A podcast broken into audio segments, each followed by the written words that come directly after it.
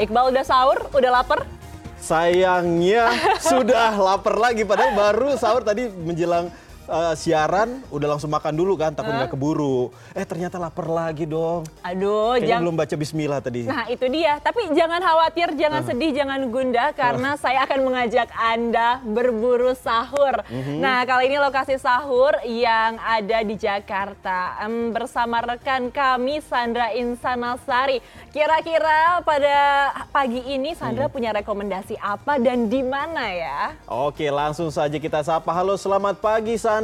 Sandra, kalau saya lihat di belakang Anda sepertinya jalanan. Ini makannya di jalanan atau di mana nih? Ya, selamat dini hari. Uh-uh. Tentunya Ayu dan juga Iqbal. Betul sekali ini saya lagi ada di pinggir jalan, tepatnya di Jalan Tebet Timur Raya, Jakarta Selatan. Nah, kali ini saya mau ngajak Ayu, Iqbal dan juga penonton kita sahur virtual ya di salah satu tempat yang buka 24 jam dan juga legendaris nih. Nah, saat ini saya sudah berada di depan Warteg Warmo. nah ini dia. Kenapa saya milih tempat ini? Karena tentunya ini tempatnya buka 24 jam dan juga ini bisa untuk masyarakat yang berada di, di- berada di daerah sini untuk sahur nih. Dan tentunya kenapa saya milih ini juga karena unik. Uniknya kenapa? Ini sudah buka kalau dihitung-hitung ini sudah setengah abad ya karena sudah buka sejak 1969 dan kenapa wartegnya namanya Warmo sendiri? Ini sih sudah cukup terkenal ya mungkin beberapa penonton juga sudah tahu ada yang belum tahu juga saya informasikan kenapa namanya Warmo. Ini bukan nama orang ya. Tapi ini singkatan ya itu namanya warung mojok. Karena letaknya ini mojok di pinggir jalan benar-benar di persimpangan di perempatan yang ada di sini. Dan tentunya karena sudah buka hampir setengah abad ini tuh punya cerita yang banyak. Salah satunya juga di sini sudah banyak dikunjungi oleh pejabat-pejabat artis-artis dan lain sebagainya. Ini salah satu kalau bisa saya kasih foto eh, kasih lihat di sini sudah ada beberapa foto-foto siapa saja sih eh, pejabat-pejabat ataupun artis yang sudah sempat berkunjung di sini. Seperti ada almarhum Olga, kemudian juga ada Eko untuk komika, kemudian juga ada pemain band dan juga di sini juga pernah dikunjungi oleh Roma Irama di zaman dulu. Jadi masih waktu baru bergelut di dunia musisi ya. Jadi kalau misalnya zaman sekarang itu nongkrongnya di kafe, kalau zaman dulu nongkrongnya di warteg. Dan selain itu juga warteg ini pernah dikunjungi oleh Presiden Joko Widodo ketika baru saja menjabat menjadi gubernur. Nah, kalau saya boleh gambarkan situasinya, dari tadi kita di sini tuh cukup ramai ya, Ayu dan juga Iqbal, karena di sini bukan hanya dibuka untuk makan langsung di tempat, tapi juga untuk online-nya nih. Menunya ini kalau saya mau sahur di sini saya kayaknya mikirnya bisa setengah jam karena lengkap dan banyak banget proteinnya ada dan lain sebagainya.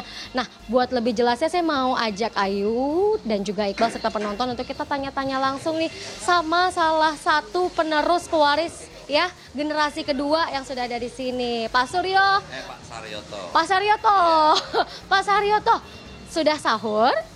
Alhamdulillah sudah tak sempetin sahur. Sudah. Iya. Pak, ini boleh diceritain nggak sih Pak? Ini kan sudah ada, udah kalau saya hitung hampir 54 tahun. Ini ceritanya dulu itu seperti apa sih warteg ini? Penampilannya katanya dulu menunya nggak kayak gini ditaruhnya ya Pak. Katanya dulu dari kecil-kecilan di baskom seperti itu. Iya, ya kalau awal-awal sih dari tahun 69 dulu masih sangat sederhana ya. Karena warteg itu kan eh, identik dengan kalangan menengah ke bawah gitu ya. Dulu banyak orang pekerja, mahasiswa, terus terutama penarik becak, ya semacam kayak gitulah dulu. Jadi konsumennya kebanyakan itu, cuman karena di sini sudah 24 jam dari zaman dulu, jadi makanan orang kalau malam itu habis begadang, habis ke mana gitu ya, nyari hiburan malam, biasanya nyari makanan itu susah.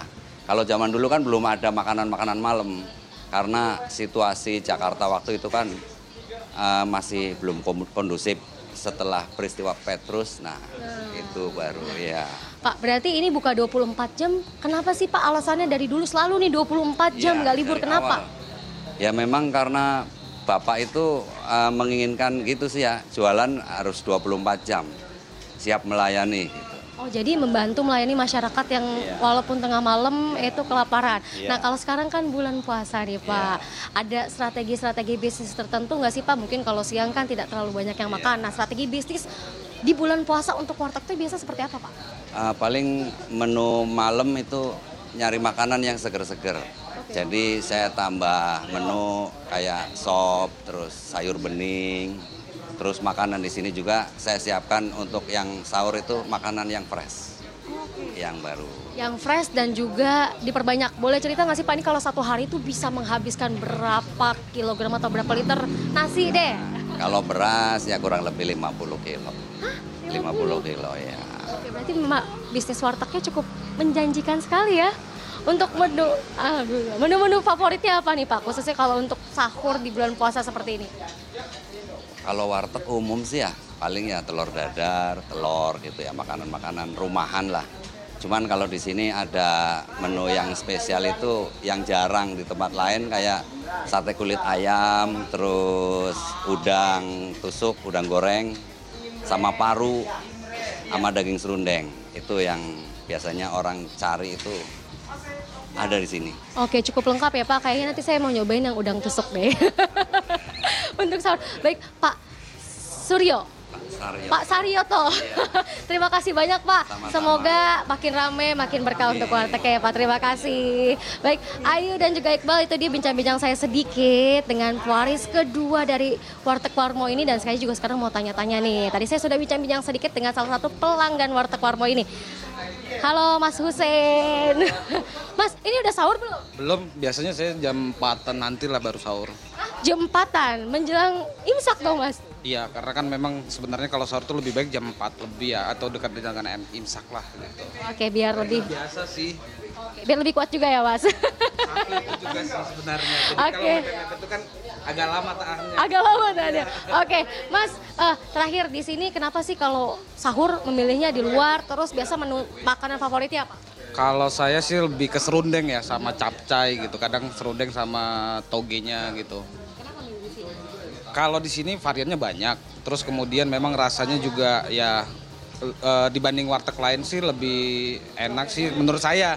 Terus harga juga nggak terlalu mahal. Kayak ini kita minum segelas ini yang gede gini ya, cuma 5.000 perak. Kalau di tempat lain kan nggak dapet. Jadi harganya murah, menunya porsinya banyak.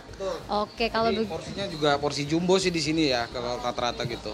Jadi cukup kenyang apalagi kalau makannya mau eh, subuh makannya banyak ya udah pasti kuat lah. buat sahur.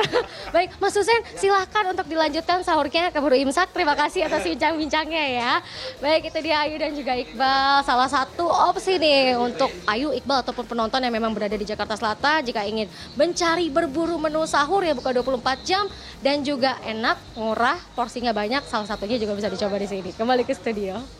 Aduh, ini Sandra yang laporan perut saya yang demonstrasi langsung pengen makan juga. Tapi ini warteg bukan sembarang warteg Iqbal dan juga Sandra ya. Karena setahu saya kalau misalkan siang hari di sana pengunjungnya itu kebanyakan orang-orang yang memakai mobil. Jadi Ya. memang sangat terkenal sekali warteg itu dan memang pilihan menunya juga sangat banyak. Baik, terima kasih banyak produser lapangan CNN Indonesia Sandra Insana melaporkan langsung dari Jakarta. Jangan lupa santap sahur juga pilihannya sudah sangat banyak. Semoga lancar puasanya hingga sore hari nanti ya. Amin.